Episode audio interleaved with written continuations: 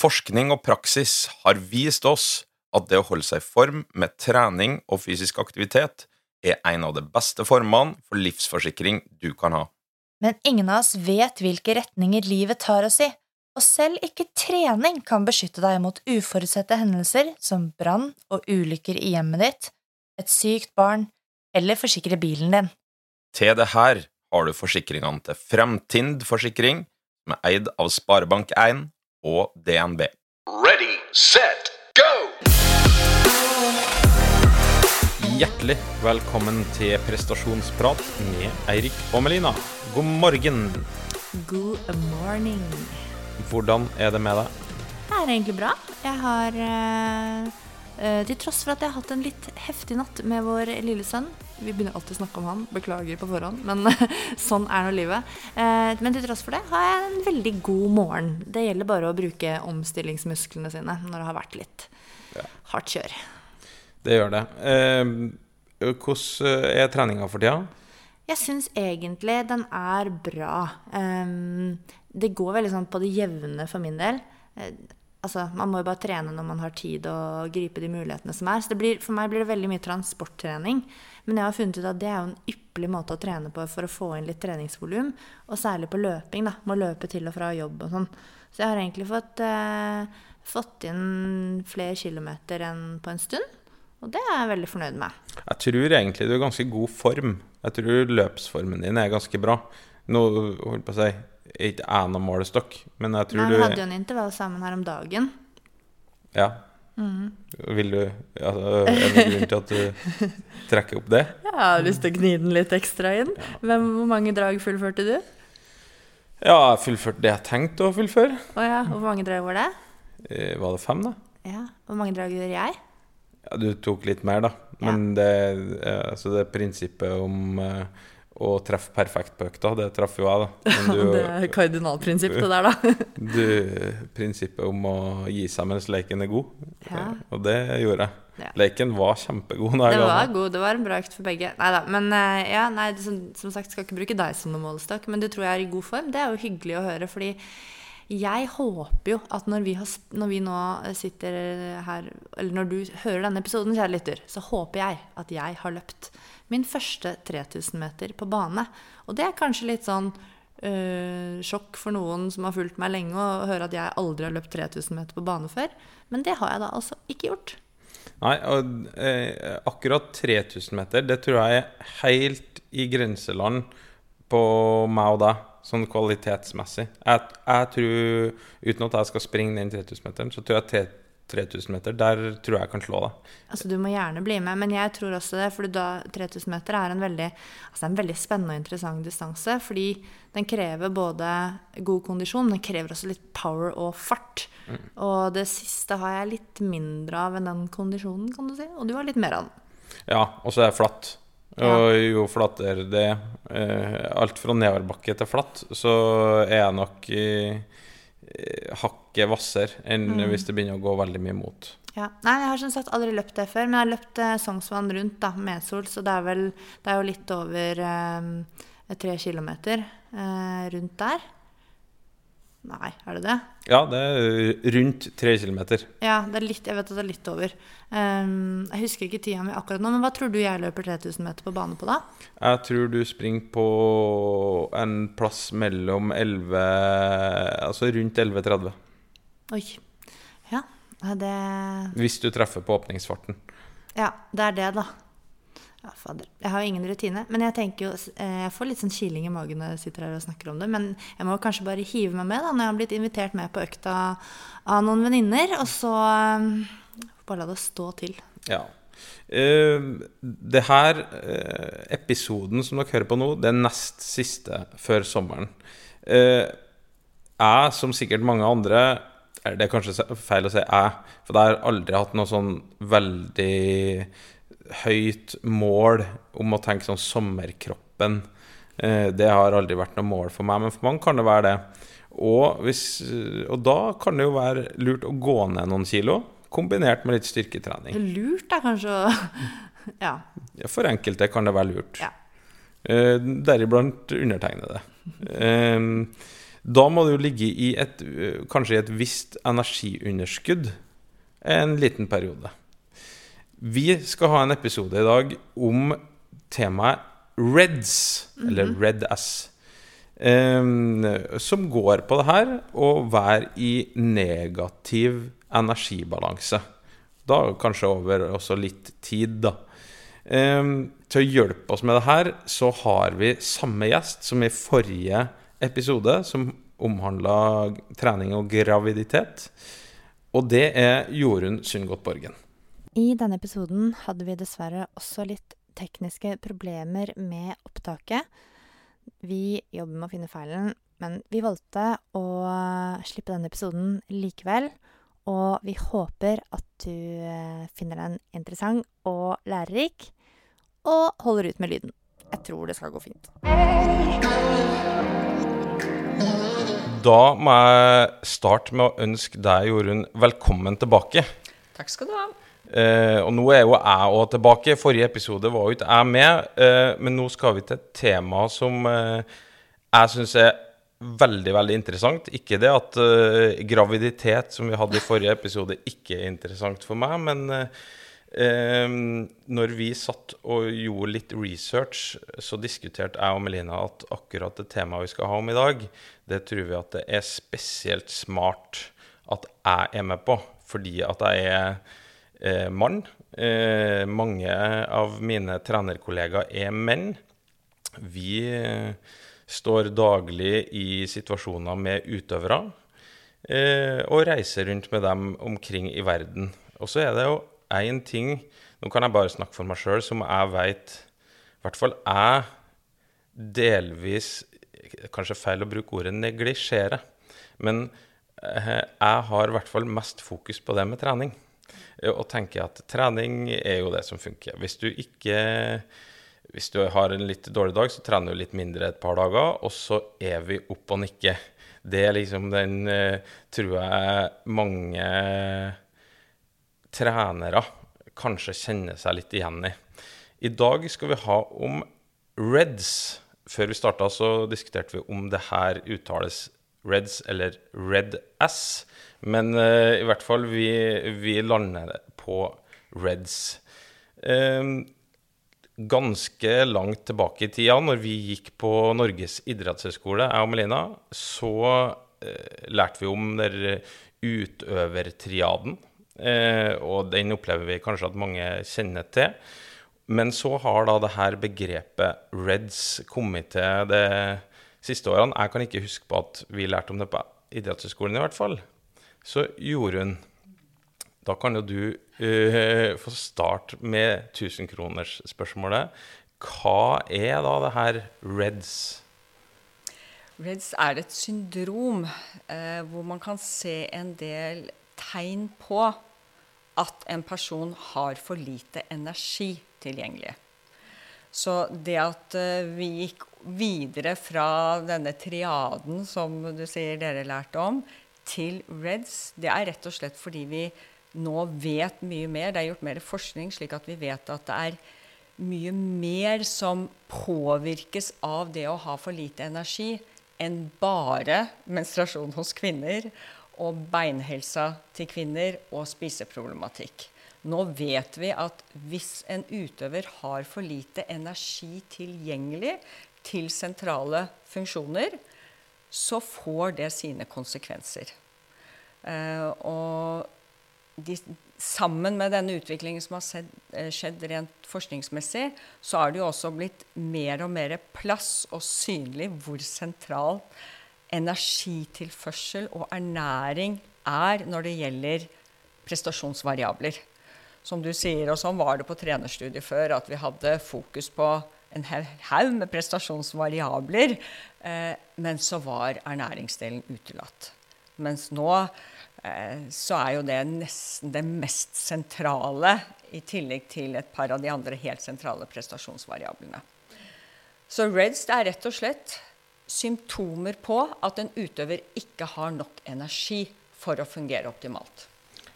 Men eh, det her symptomene, som du kaller det, er det symptomer som kommer veldig raskt? Eller er det symptomer du da har over Mm. tid? Eh, Er det det som Må det være over tid for at du klassifiseres som Nei, det må ikke være over tid. Du kan f.eks. i tre dager være i underbalanse, ha for lite energi. Det gir utslag kanskje mage-tarm-problematikk. Det kan gi utslag eh, i litt deppa, eh, litt frustrert, ukonsentrert. Så det kan gi raske konsekvenser. Men f.eks.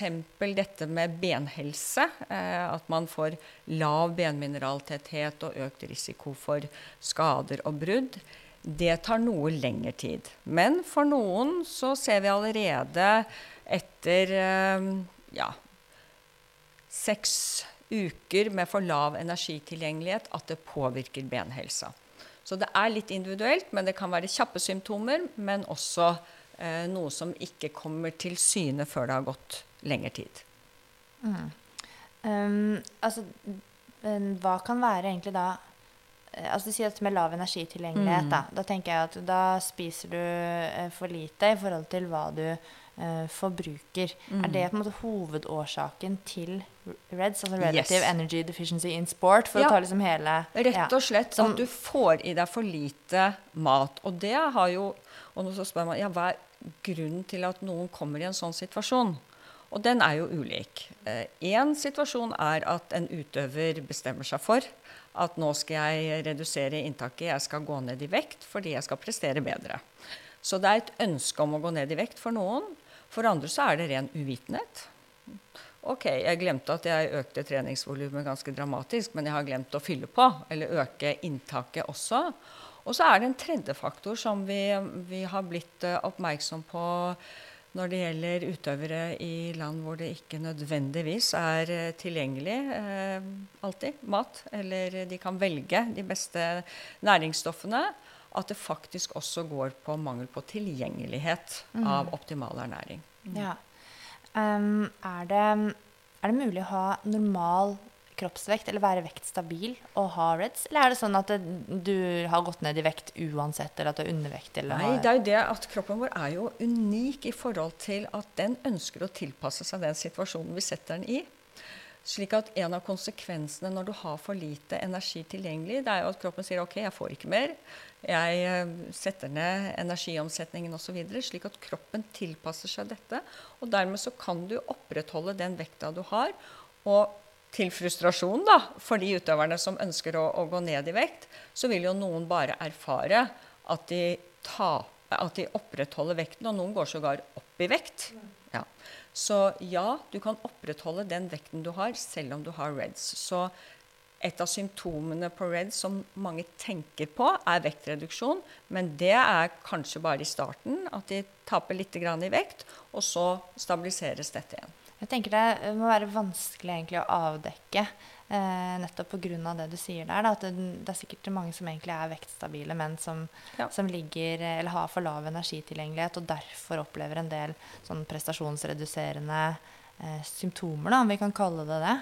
Ja, så jeg tenker at noe av altså For en trener og for en utøver selv, så er det jo rett og slett Vi snakket om med de gravide at kvinnene kjenner kroppen sin så godt. Eh, og for en utøver som opplever å ikke få respons på trening, ikke har overskudd, det tenker jeg ofte er de første symptomene på REDS.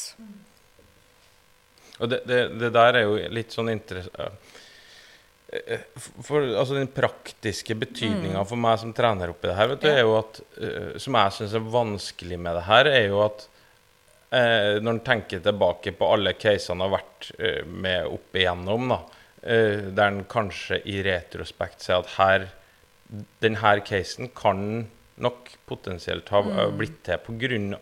akkurat de symptomene vi eh, Eller REDS da, og, og lav energitilgjengelighet. Men så er det jo sånn som trener og utøver, så i situasjonen der det oppstår, så er det jo aldri det her egentlig du tyr til som et slags OK, vi skal leite litt i ernæringsskuffa for å se om vi finner noe her. Det er jo Jeg sitter her og snakker ett år tilbake i tid, to år tilbake i tid, fem år tilbake i tid, og tenker i retrospekt. Ja. Ja, da er kanskje når, For da har du sett mange flere puslespillbiter og, og, og sånn. Da er ofte det her da er det lettere å se det puslespillet. Mens når du sitter med to brikker, så er du litt sånn usikker på eh, Blir det her Mount Everest, eller blir det her ei bikkje eh, puslespill, liksom? Det, det, og det er det jeg syns er vanskelig på ja, symptomene her. For det at eh, en utøver kan ha en periode som er litt tung, Ja. uten at det egentlig er energitilgjengeligheten som er problemet, men det er totalbelastning av andre ting. Vi, eh, periodiseringa til oss er Ja. jo opp og ned. Det er det som jeg syns er vanskelig, da. Mm, Men, og, og det her det er så ja, Akkurat sånn som du ordlegger det, er så viktig. fordi det er nettopp her den derre lampa skal tikke inn når du har en utøver som litt sånn du forklarer hvorfor funker det ikke, så skal lampa når det gjelder energi, lyse veldig tidlig. Det er som du sier at Før så tenkte vi ikke noe særlig på den biten der. Man tenkte på alle de andre forholdene som påvirker prestasjon. Så glemte man, men nå vet vi at det er så sentralt. Og det er da du er heldig i din situasjon som kjenner utøverne så godt. Du vet åssen de er fra de kommer inn til frokost om morgenen til dere går og legger. ikke sant? Så du senser med en gang det er en som ikke er helt på gir, eller sånn som du er vant til å forholde deg til, til den og den utøveren. Og da er det den derre samtalen liksom OK, i går, hva fikk du i deg da? Hva gjorde du rett etter? Hvor mye fikk du inn da? Ah, jeg var så sliten, jeg var så trøtt, og det gikk så og så mange timer. ikke sant? Se på de nærmeste dagene. Hva er det som har skjedd? Eh, også på denne biten her. For det er det som er eh, gjennomgangstonen. Og noen da, veldig mange, har ikke hatt noen intensjon om f.eks. å gå ned i vekt eller slanke seg eller legge om kosthold eller noen ting. Det er bare totalsituasjonen som har vært slik at det har blitt for lite. Over tid eller over et par dager. Så det trenger ikke nødvendigvis være sånn at man har f.eks. en spiseforstyrrelse. For det tror jeg også mange tenker at nei, men Reds det gjelder ikke meg, fordi jeg har et godt forhold til mat og kroppen min. Ja. Det, men det kan ha med å gjøre, men det trenger ikke å ha det. Nei, kjempeviktig. Det er, vi snakker om Reds med og uten spiseforstyrrelse. Ja. Og, og selvfølgelig blir det ekstra komplisert hvis du har en spiseforstyrrelse. Jeg pleier å si at Reds kan du ha uten å ha noe vanskelig forhold til mat eller ikke noe patologi, ikke noe problem. De aller fleste med en spiseforstyrrelse har Reds. Ja, for de er om, Hvis du har bulimia nervosa, så har du også perioder hvor du har for lavt e- energi tilgjengelig. Men så har du perioder hvor du har altfor mye energi tilgjengelig. Så de fleste med en spiseforstyrrelse er i en Reds-situasjon, men Reds kan være helt fri for problematisk forhold til mat. Ja, du var jo inn på det eh, når du nevnte opp dere eh, Kan du si at med tilgjengelighet, og at det, det kan være i en, i en planlagt situasjon. Da.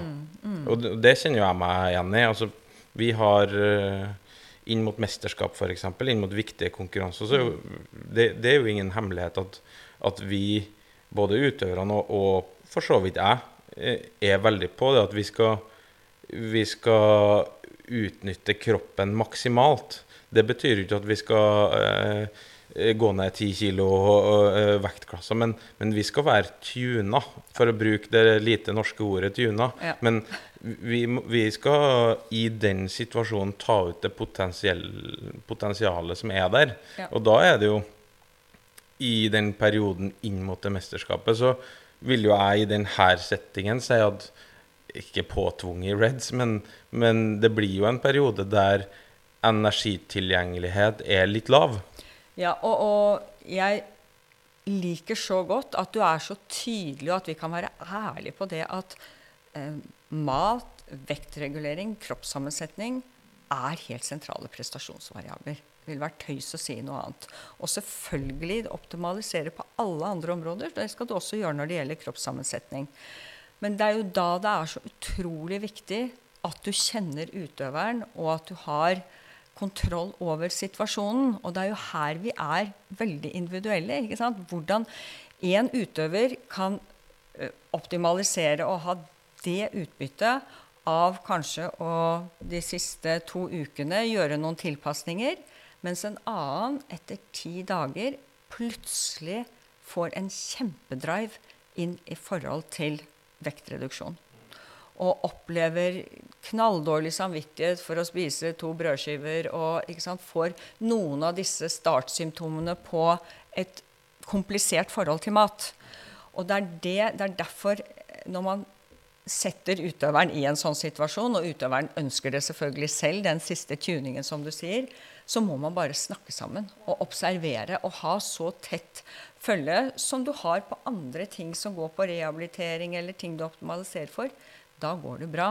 Men når 15-16-17-åringer skal prøve å gjøre dette her alene, da vet vi at det sjelden går bra, dessverre. Jeg tror jo også at um, det gjelder også de utøverne som, som, er eldre, at noen kanskje er mer predisponert for da å liksom ja. hoppe inn i denne som du beskriver, en sånn slags gateway nesten mm. til spiseforstyrrelser mm. når man skal gjøre disse optimaliseringene. Da. Ja. ja, og den gatewayen der er litt interessant fordi at ofte så Jeg tror jo på det elitenivået. Mm. Så eh, den første gangen du gjør en slags sånn her tilpasning, så vil mange lykkes litt med det. Ja. Og det er veldig moro å lykkes. Det er veldig moro å kjenne at ting spiller på lag. Mm. Og hvis Jeg tror det er veldig lett å slå den konklusjonen at ah, jeg lyktes, og det her kjentes så fantastisk ut fordi at jeg gjorde den lille tilpasninga de siste 14 dagene, og så glemmer vi eh, det fem, seks, sju, åtte årene med trening og uh, terping og teknikk. Mm. Altså, alt det er glemt, og så tenker du hva gjorde jeg annerledes? Jo, det var de siste 14 dagene. Og så tilegner du det en sånn enorm verdi ja. at når du da kommer hjem fra det mesterskapet mm. eller, eller, konkurransen eller ting, så tenker du at ja, men her kan jeg jo bare fortsette, eh, fortsette mm. å være. Mm. Eller her skal jeg holde meg. Ja. Ja. De to kiloene det, fra eller til. Det er, så bra du tar opp det, for det er som du sier, det er helt greit under kontrollerte forhold å spisse det fram til et mesterskap, men så må du slippe opp. For det er jo akkurat da det går gærent, hvis du fortsetter, og gjerne alene, trener alene mange, ikke sant? og ikke blir målt eller vurdert av noen. Eh, og utøvere har lett for å tenke OK, 1,5 kilo var bra, tenk deg 3 kilo. Ja. Mm. Jeg eh, tenkte litt på det du sa eh, tidligere med at eh, liksom, flaggene skal gå opp eller lampa skal lyse mm. når du har en utøver som at det ikke går så bra på trening, f.eks. Men eh, jeg har også erfaring med litt sånn motsatt. At um, utøveren kan liksom klare å få til ganske gode treningsøkter og også prestere egentlig ganske godt i konkurranse en hel sesong, og kanskje også neste sesongen, men alt utenom. Altså sånn mm. energi til sosialt liv. Eh, det å liksom Alt det som skjer utenom mm. treningsarenaen, det er mm. bare helt på bærtur, da. Eh, også fordi at man har for lav Som et større bilde, da. At man ja. har for lav energitilgjengelighet. Så det er um, det er veldig vanskelig å, å, fange opp når det er sånn nå, da, at det faktisk går ganske ålreit på trening, men det skurrer ja. på noen andre arenaer. Og det er her det er, det er skummelt med de som trener alene er uh, ukevis alene og kanskje store deler alene og bare møter på samlinger og mesterskap. For de kan kjøre et sånt løp. Mm. Og, og, som du sier, du merker prestasjons... De fleste får en prestasjonsfremgang hvis det ikke er for dramatisk vekttap ja. og, og, og, reduksjon. En stund går det veldig bra. en, en stund går det bra. Men det er her jeg mener at uh, altså er du i en gjeng og medutøvere eller trenere observerer at nå er han helt i tunnel, ikke sant? Da er det noe som ikke stemmer, for alle vet at in the long run så, så klarer du ikke å prestere over tid hvis du lever et sånt liv. Det, det, får en konsekvens. Og da har vi andre også lov til å bry oss og blande oss. Og hvis du først er i den tunnelen, så blir du dritforbanna hvis noen bryr seg. ikke sant? For du har bestemt deg for det løpet, og du kjenner at det funker. Det funker veldig bra. Men da skal du faktisk bry deg, enten du er trener eller medutøver eller helsepersonell. fordi vi vet at det går ikke i det lange løp. Mm. Når du snakker nå, så tenker jeg på den, eh, Vi har spilt inn en episode med en langrennsløper som heter Barbro Sæta, som forteller ganske åpent om dette her. Mm. Hvor vi da var en uh, venninnegjeng som uh, måtte gjøre en liten intervensjon. Men ja. det funka. Ja. Og nå i dag går det veldig, veldig ja, bra. Og, og alt er liksom det, altså, Ting kan bli bra igjen, selv om det virker veldig skakkjørt en stund. Hvis man orker å bry seg, da. Ja. Og det, og det orker å bry seg, uh, tør å bry seg, og ikke er redd for at man blir på en måte skjøvet til side. For du kan oppleve å bli skjøvet til side med en gang, men når det går litt tid, så er vedkommende veldig takknemlig for at noen faktisk tok tak. Det jeg lurer på, er hvordan skal man stille diagnose? Altså Du snakket om Reds er syndrom, men hvordan, hvordan lander du i den konklusjonen om at en, en mann eller en kvinne har Reds? Ja. Og der har vi et lite dilemma. For det er ikke slik som på mye annet at du bare kan ta en blodprøve, og så får du et ja eller nei. Så det egentlige målet er jo at du har lav energitilgjengelighet. Men Hvordan måler man det? Ja. Neste spørsmål. Ja, det fikk eh, min kandidat spørsmål om til eksamen i går, og hun svarte heldigvis veldig bra at det har vi ikke noe veldig godt mål på. Dessverre. ikke sant? Men når det er sagt, så de aller fleste utøvere de er rimelig konsekvente på hva de tar inn, og hva de forbruker, forbruker osv. Så, videre. så bare det å ha en muntlig dialog med en utøver i forhold til å ta en 24 timers recall, og de skjønner at dette er til det beste for meg som utøver, at vi nå gjør denne dialogen. Jeg må ha et bilde på hvordan ditt inntak er i forhold til forbruk. Da får du ganske kjapt et bilde på om denne her får i seg tilstrekkelig med mat eller ikke. Så har du disse andre symptomene, altså på guttene, ikke sant, med lavere testosteronverdier, altså har ikke lyst på sex, eh, dårligere sædkvalitet. Alt dette er forbundet med for lavt energiinntak, responderer ikke på trening. Eh, Noen har allerede lavere benmineraltetthet. Så du har noen av de symptomene som du kan måle objektivt. Men også der så er det jo ikke satt noen grenseverdier. Nei, det er ikke det. Nei. Nei. Så det blir på en måte en sammenstilling av mange faktorer. Og Det så blir et totalbilde av den utøveren, ja. Mm. Det, det, og det blir jo vanskelig hvis du ikke har historia til vedkommende. Ja, Eh, hvis du har målt eh, Hvis du har blodprøver eller andre prøver hver måned fra en utover, så kan du se hvis du ja. detter ut av stien din. Mm, Eh, men eh, tar du det for første gang, så vet du ikke om det her er det normale, Nei. eller om vi er på bærtur. Nei. Så da, da går det å sitte med Vi har jo laget et sånt uh, Reds Cat, et, et screeningskjema eh, i forbindelse med Reds her, da, som du krysser av. Det er for så vidt noe av det som også blir brukt på Olympiatoppen i forhold til de såkalte gule lysene og røde lys og grønt i forhold til å få konkurrere. Der er det jo listet symptomer. Og har du en del kryss der, så har du absolutt Reds. Eh, og så er det jo retningslinjer i forhold til trening og konkurranse osv. Og det bringer oss kanskje videre til om de som da har lav energitilgjengelighet, skal trene og konkurrere eller ikke. Ja, det er jo et veldig godt spørsmål, da. Det blir jo sikkert veldig individuelle vurderinger òg, med tanke på hvor lenge antar man at dette har vart, alvorlighetsgraden, hvilke Ja, konkurranser hvilken idrett er det? Hvilken posisjon har du på laget? Eh, hvem andre reiser du sammen med? Jeg er ekstremt engstelig for smitterisikoen når det gjelder REDS eller dette med lavt energiinntak og eller spiseproblematikk. Eh, Så mange som er opptatt av å prestere sammen, som spiser i samme sal eller på samme hotell, og de observerer spesielt jentene hva de andre spiser. De kan eh, rapportere at ja, men hun hadde bare én skive med gulost oppå det knekkebrødet. ikke sant? Så de observerer hva hverandre spiser, og hvis da den ene, og tilfeldigvis den som også gjør det veldig bra akkurat da, eh, har et veldig spesielt inntak, de to som nesten kommer på laget da, det er ganske sikkert at de begynner med det samme. Så det er nesten faktor nummer én i forhold til spørsmålet om de skal være med på samlinger og trening. En, en sak er selvfølgelig en vurdering av det totale bildet helsemessig, om det er forsvarlig at de drar. Ofte så er det jo det, at de kan være med og tilpasse treningsøktene. Eh, når vi ikke snakker om alvorlige spiseforstyrrelser, men, men REDS. Men den risikoen for at deres spiseatferd smitter over på de andre, er ekstremt høy. Så det er jo faktisk et kriterium vi har med der.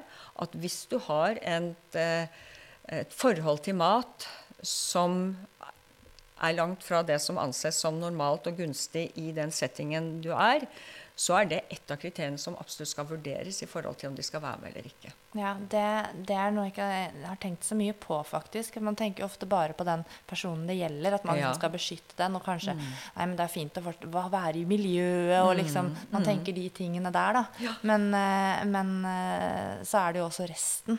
Ja. Og mm, i eh, senere tid Jeg har jo også opplevd å være på lag selv også, hvor det har vært, hvor det har vært en utfordring eh, når du har noen i lag som har eh, vanskeligheter med, med mat. Fordi det blir jo Om ikke det eh, smitter på noen, så blir det også en veldig sånn snakkis. Og det tar Ja. veldig mye fokus og energi fra det sportslige, da. Det gjør det. Det er kjempeenergilekkasje. Jeg har jo hatt eh, jenter som altså, Jenter spesielt, ikke sant, som blir veldig caring i forhold til den de skjønner at sliter.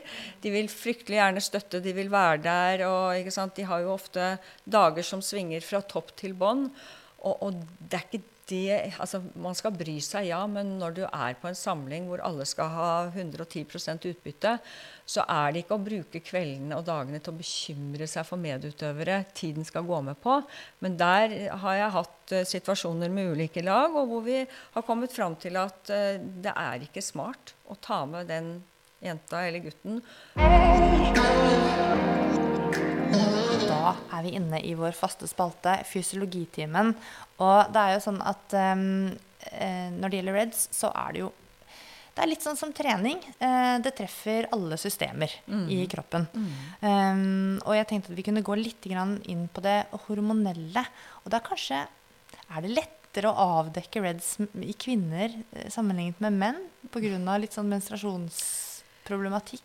Ja, det er her vi, vi har ikke nok forskning, men det ser ut til at jentene hormonelt er mer sensitive for denne lave energitilgjengeligheten. Slik at det kommer raskere reaksjon da ved at ikke sant, vi får ikke produsert østrogen osv., de kvinnelige Så er det rett og slett mer alvorlig for kvinner enn for menn? Kan jeg tolke det sånn? Eller er det å dra si det langt?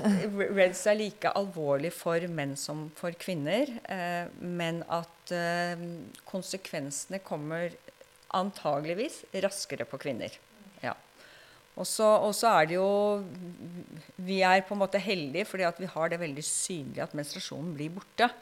Eh, Menn trenger ikke å snakke om at de ikke har lyst på sex eller ikke får det til, eller sånn, eh, men det er jo et symptom som er mindre synlig for teamlegen og andre hvis det ikke snakkes om, da. Så det er jo dialog veldig viktig. Og Ja. i menn så, ja, så er det dette med at man kan jo ta en blodprøve, og man kan måle testosteronnivåene, og, og lavt testosteron er jo bl.a. et symptom. Ja. Ehm, og så for kvinner så er det jo, um, har jeg lest meg til at man kan få forstyrrelser i det som vi kaller for hypotalamus, hypofyse, binyreaksen. Eh, og at man da får noen endringer i, em, i den kjertelen som ligger eh, ved halsen, tyroidea. Og da kan man få noen endringer i rett og slett appetitthormonene. Eh, sånn at de eh, øker. Og det tenker jeg sånn, de øker, men man inntar ikke nødvendigvis noe mer. Det, det kan ikke føles spesielt godt. Og det man også ser, er at eh, det blir redusert insulin, og at man også får økte nivåer av stresshormonet kortisol.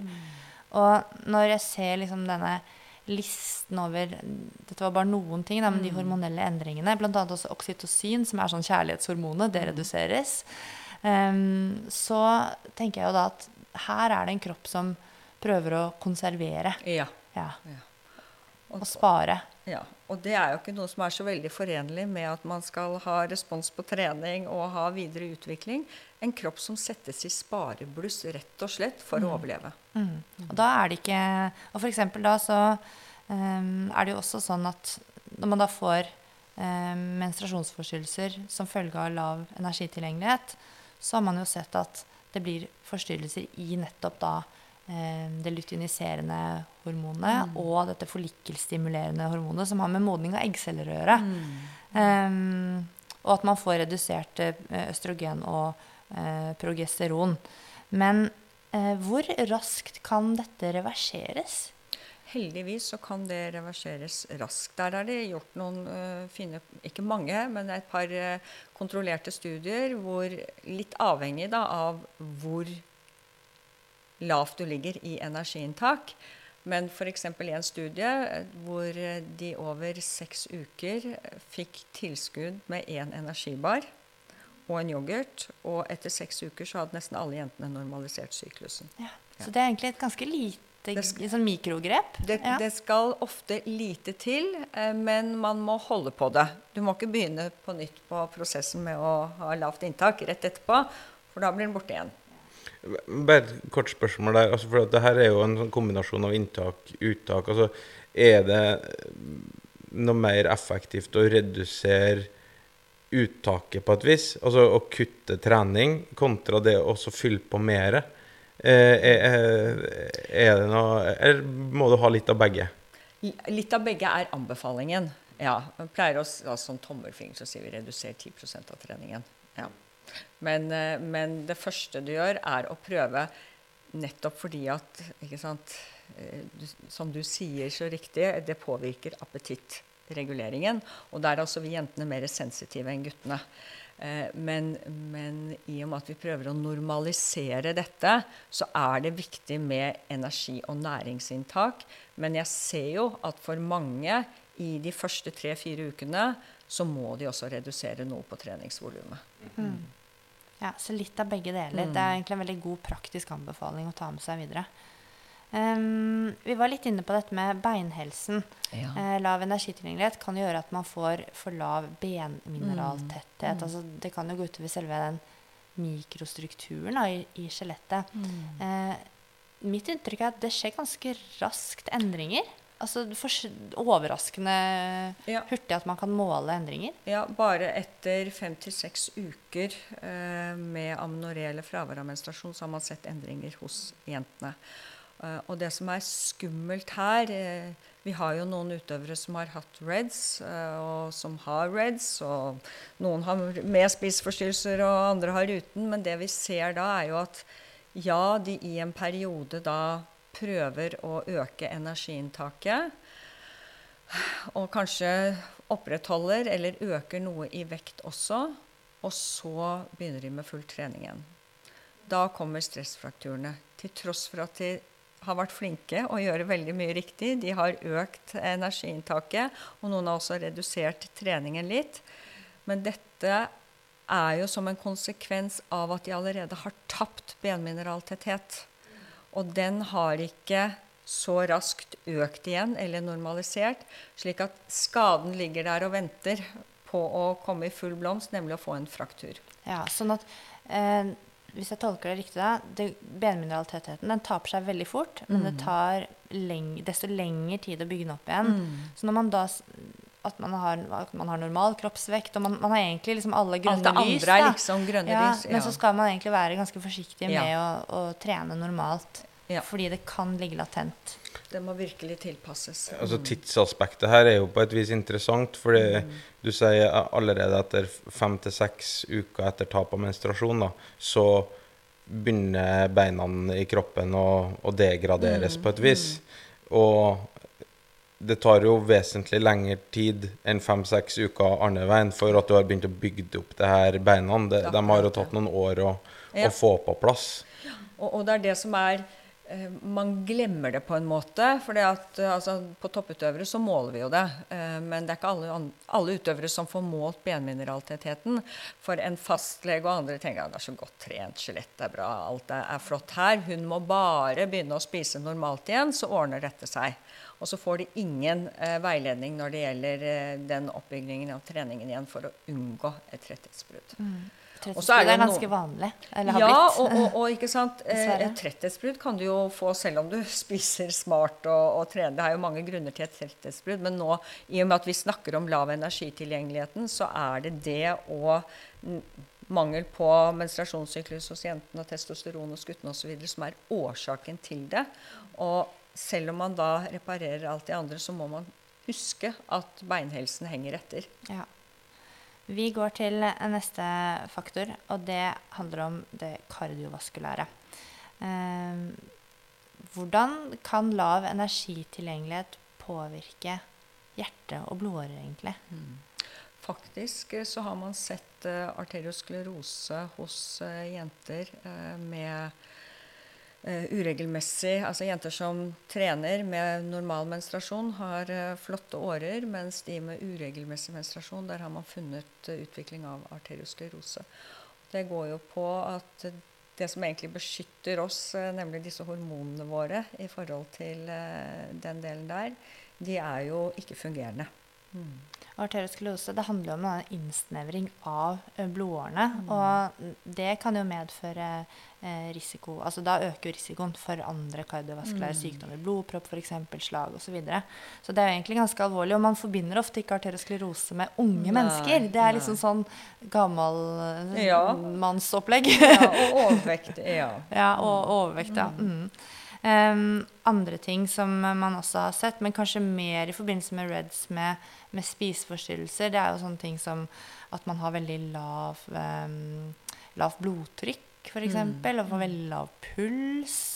Um, og så har jeg også lest meg til at man kan faktisk få noen endringer i selve hjertet. Hjertekamrene hvis man, eh, man har eh, anoreksi anedosa. Sult over tid, Ja, ja, ja. over tid. Så det, det går strukturelt utover hjerte- og blodårer, rett og slett, hvis man har en alvorlig, alvorlig Så tilstand. det er jo en av, en av de viktige grunnene til at vi sier at eh, utøvere med spiseforstyrrelser skal ikke konkurrere eller trene uten at det er skikkelig kontrollert, veiledet trening. Fordi det faktisk er risiko for å dø. Ja. Et sånt eh, spørsmål fra sida her igjen, eh, som sitter og lytter med interesse på, mm, på det her. Så er det jo sånn at fryktelig mye forskning på alle felt er jo gjort på flest menn. Men innenfor forskning på spiseforstyrrelser, eller eh, REDS for eksempel, da, er, er forskninga gjort mest på kvinner, eller er det 50-50? Ja, vet du, dette er vel det eneste området i idrettsmedisin og idrettsfysiologi hvor vi må stå og si at vi trenger mer forskning på menn. Så det er en veldig uvant situasjon, men det var jo fordi at dette hadde sitt opphav i spiseproblematikken blant idrettsutøvere, og det anså man jo som et kvinneproblem. Og, og der har vi jo hengt etter i mange år, fordi det har vært definert som det. Og vanskeligere for guttene å snakke om det. Men nå ser vi jo at når det gjelder REDS, de få studiene som også da har inkludert menn, så ser vi at forekomsten er like høy blant menn som jenter. Ja. Ja, så dette er absolutt eh, like relevant for begge kjønn. Men er det sånn at eh, Reds er én ting, men er bare sånn eh, liten digresjon. Men er det sånn at det, prevalensen for spiseforstyrrelser altså, Er den høyere hos kvinner enn hos menn? Det er litt avhengig av hvilke særidretter du ser på. Eh, fremdeles så ser det ut som om eh, det i, også i de risikoutøverne da, som er eh, eh, endurance type sports og vektklasseidretter og estetisk idrett, at det der er høyere forekomst blant kvinner. Bortsett f.eks. fra sykling, da, hvor forekomsten av spiseforstyrrelser og REDS og lav benmineraltetthet og alt det som er litt trist som vi snakker om i dag, da, er høyere blant mannlige utøvere enn kvinner. Ja. Det kan jo være også Vi har snakket litt om uh, at uh, ja, det kanskje ikke snakkes så mye om, da. uh, blant, men at det, litt- at det er en del mørketall. Det blir jo bare spekulering, men det kan jo tenkes. Ja, og jeg merker at mannlige utøvere er mye mer på Det er noe med treninga som ikke funker. Altså, jeg må legge om. Dette her, dette funker ikke. Mens jentene tar det mer inn over seg. Altså, de er mer, det er lettere for jentene å si at jeg skal jo innrømme at jeg har klussa en del med mat. Det, det tar, du kommer lenger inn i samtalen før guttene sier det. Men samtidig så går det på oss som snakker med utøverne også, at jeg syns det var vanskeligere å gå rett på sak med guttene eh, for en stund siden, selv om de egentlig bagatelliserer, og, og det er ikke så mystifisert når guttene snakker om spiseproblematikken. De er litt mer rett på sak. Faen, jeg tror jeg må legge om dette, Det funker ikke. ikke sant? Men de trekker inn dietten og ernæringa altfor sent i samtalen. Først er det bare trening, mens jentene er mer sånn at jeg kan jo ikke gå opp mer. Nå har jeg gått opp to kilo siden sist sesong. Det går ikke. Jeg må jo ikke sant? Så de legger det på maten med en gang. Så, så der er det en kjønnsforskjell. Og Derfor så liker jeg så innmari godt når sånn som du er konkret og tydelig i media og kan bruke de ordene som skal brukes. For én ting er nå sitter vi i hovedsak og snakker om lav energitilgjengelighet. Og vi er veldig enige om at du trenger ikke ha noe problematisk forhold eh, til mat, selv om du, du har det. Men hvis en utøver da også har en spiseforstyrrelse, så hvorfor kan man ikke kalle det det? Altså Jo lenger vi fortsetter å bruke merkelig ernæringsproblem og gud vet hva som ikke blir brukt i media, så gjør vi det bare vanskeligere og vanskeligere for utøverne å snakke om det. Og da blir færre hjulpet. Ja. ja. Eh, En ting som er Du som har eh, studert det her store temaet eh, mye, da, så er jo eh, Vi har allerede vært inne på denne jente-gutt-forskjellen og kanskje jentegrupperinga versus guttegrupperinga. Jeg, jeg har jo aldri vært noe trener for en jentegruppering, så det kan jeg på et vis ikke si noe om. Men mitt inntrykk fra tidligere, i hvert fall, eh, og, har vært det at liksom jentene er litt smartere enn guttene. Så dere, du, du, Det er helt riktig. På alle områder. Ja. Men det med at ting sprer seg, da. Det er nesten, det, Jentene er så smart at det er lett at det sprer seg.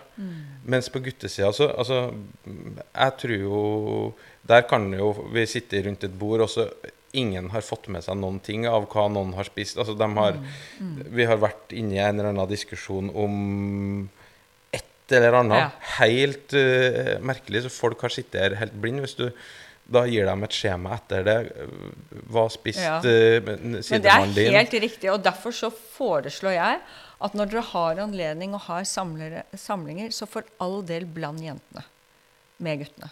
Fordi som regel så, så Altså det å ha et rent jentebord, da har du to som driver og klusser eh, og er restriktive med, med inntaket. Og så vet vi at eh, noen av gutta også er det, men i mindre grad. De er opptatt av, som de fleste kvinnelige utøvere også, å fylle opp og være klar til neste økt. ikke sant? Men så har du alltid to eller tre jenter som sitter der og er restriktive. Mens hvis du får blandet dem med resten av guttene, og da, da er det plutselig en av gutta som sier Men herregud, hva er det du sitter og pusler med? Og sånne kommentarer er viktig. Noen sier at ikke kommenter hva noen spiser. Men jo, de trenger å få høre at dette er latterlig. Skal du ikke ha dessert? Ja, ja. Da må jeg bare si akkurat det siste du sa der, det tror jeg er så riktig. Det å liksom Det å, å, å tørre Ja. å, å liksom kommentere, det å øh, Kalle det humor, det å, det å liksom Ja, det avdramatisere Ja, liksom eh, Ja. hele, hele greia. Ja. På samme måte som at jeg jeg merker jo i gruppa mi òg, når det nærmer seg mesterskap, og vi Det er en, nesten en sånn opplest og vedtatt sannhet at nå tuner vi. Nå, den, det Godtehaugen som, vi- som vi har med på samling som i juni altså Du rekker ikke å komme inn døra før den er borte. Så, så ser du at den samme Godtehaugen, det, det tar ei uke før, før den er, Ja. er brukt. Men det, det, er en, det er humor på det. Ja. altså, hvis en går og tar seg en sjokoladebanan, så, så blir det kommentarer på det. Ja. Og sånn, og det men det er på, det er på Det er akkurat det, og det er da du kjenner gruppen din, du vet hvordan hver enkelt har det med seg selv, og det er helt greit. Og jeg tror jentene trenger å kjenne på det, for da er det sånn at de omtrent har klump i magen, og gråten ligger helt klart bare fordi de skal gå og forsyne seg og gå forbi de andre som følger med på hva du spiser. Da har man et sykt miljø. Og sånne syke kulturer er det dessverre i deler av eh, idrettene våre. Er man mer eh, sykdomsutsatt ved Reds? Yes. Så altså, hvis du har for la REDS, eller for lav energitilgjengelighet, så utsetter du deg for alt det vi ønsker å unngå når vi skal prestere over tid. Ikke sant? Du skal ingenting til for at du får en sykdom, og hvordan du håndterer den, infeksjon, magevirus eller hva det måtte være, blir jo helt annerledes enn om du er velernært. Ikke sant? Da blir du slått ut, og det blir hengende ved for så lang tid i forhold til om du hadde nok energi. Så ja, mye mer utsatt for det. Mer utsatt for skader. Bruker lengre tid på restitusjon og rehabilitering av skader osv. Så, videre. så det er alt det vi ønsker å unngå hvis du skal eh, optimalisere og fungere over tid. Og både på kort og lang sikt så kan man jo også få f.eks. Og det er jo mange som utholdenhetsutøvere, og særlig løpere, som sliter med da, at man har liksom litt mageproblemer. Og det eskalerer jo også bare Ja. eh, ved REDS. At man kan f.eks. få forstoppelse, mm. lengre transittid for maten i tarmen, redusert tømmingshastighet, bare for å nevne noe. Der, ja, det er sånn at REDS det, det treffer alle kroppens systemer. Og eh, vi skal legge ut en, en figur på Instagrammen vår som tar for seg disse her prestasjonskonsekvensene prestasjonskonsekvensene av Red. Så den, eh, den er fin å gjøre seg litt kjent med for, for å få et sånn godt bilde på det. Vi begynner jo å nærme oss litt slutten, øh, og jeg er jo en praktiker. Jeg har jo alltid vært det. Eh, så jeg, og jeg må jo ofte ha litt sånne ting inn med teskje. Eh, hvis jeg har en utøver som jeg mistenker er, er i den kategorien her, da, som jeg, jeg tenker kan vedkommende faktisk ha fått reds, hvordan skal jeg, skal jeg som trener eller støtteapparat forholde meg til det? For det første så mener jo jeg at det er viktig at det er du som gjør det, som har fått den mistanken eller lurer på, at du ikke nødvendigvis delegerer det bort eh, til eh, teamlege eller hvem du måtte være med en gang, for det er du som har observert. Og da skal du være ærlig på hva du har observert, eller hva du har tanker om. Uten liksom å pålegge denne noe sånn der skyld eller noe sånt, så vil jeg bare sagt sånn, vet du, eh, har, har du det for tida? Har du det ok? Da er det noen som bare går i gråt med en gang fordi de er slitne og frustrerte og engstelige osv. Mens den neste kan svare at eh, helt topp, alt funker, ser du ikke jeg presterer. Men du har en mistanke fordi at du ser at den utøveren er ikke akkurat sånn som du har vært vant til at den utøveren er. Enten det er på det sosiale plan, eller det er eh, når dere sitter rundt bordet, eller hva det er. Da ville jeg sagt eh, Nei, for for meg så opplever jeg at det er noe som ikke er i, i balanse her. Kan ikke du bare si litt om, for jeg er jo opptatt, nå, nå prøver vi å legge alt til rette for at alt skal være optimalt her. Funker alt greit for deg med treninga? Hvordan er det med spisinga? Eh, Har du matlyst? Får du fylt opp? Ikke sant? At dere begynner, begynner der. Og da er det ganske raskt at du ser for en som har en intensjon om å gå ned i vekt, og som føler at han eller hun gjør noe gærent, faktisk, så begynner det blikket å flakke. ikke sant? Eller de blir, jentene begynner litt fortere å gråte, for de er slitne og redde, for de har hørt om dette her i mange år. Ja, Mens guttene er litt mer sånn ja, 'Jeg får kanskje ikke gi meg nok, da, men det, der, det, det går seg til', eller sånn. Da følger du opp det. Og da eh, sånn å si at jeg blir urolig, jeg har ansvar for, det, for dere, og jeg har ansvar for å legge til rette. Eh, hva, hva kan vi gjøre nå for at dette her eh, kommer på spor igjen? Så har kanskje utøveren noen ideer, men det er kanskje at ja, jeg skal være litt mer påpasselig med restitusjon eller sånn og sånn. Men, ja, men vet du hva, kan ikke vi koble på? Og så har du noen i ditt team som kan mye om dette her, og som kan gå inn og gjøre en jobb. Og følge opp. For det nytter ikke med den ene samtalen. Hvis en først har satt i gang en sånn liten egen prosess, så må vedkommende følges tett opp over tid. Og gjøre de avtalene. Er Et spørsmål der som jeg eh, på et vis har på veldig mye andre områder veldig god erfaring med, det er jo å bruke laget. Altså, jeg, jeg, jeg er jo veldig på det å, at eh, alle de utøverne som er i gruppa, er jo minst like god ekspert som meg. Like, kjenner eh, vedkommende utøver like godt på altså Det kan jo være teknikk, det kan være treningssamtale, uttak altså Mye annet. Er, tror du det er noe Er det en god idé innafor det her?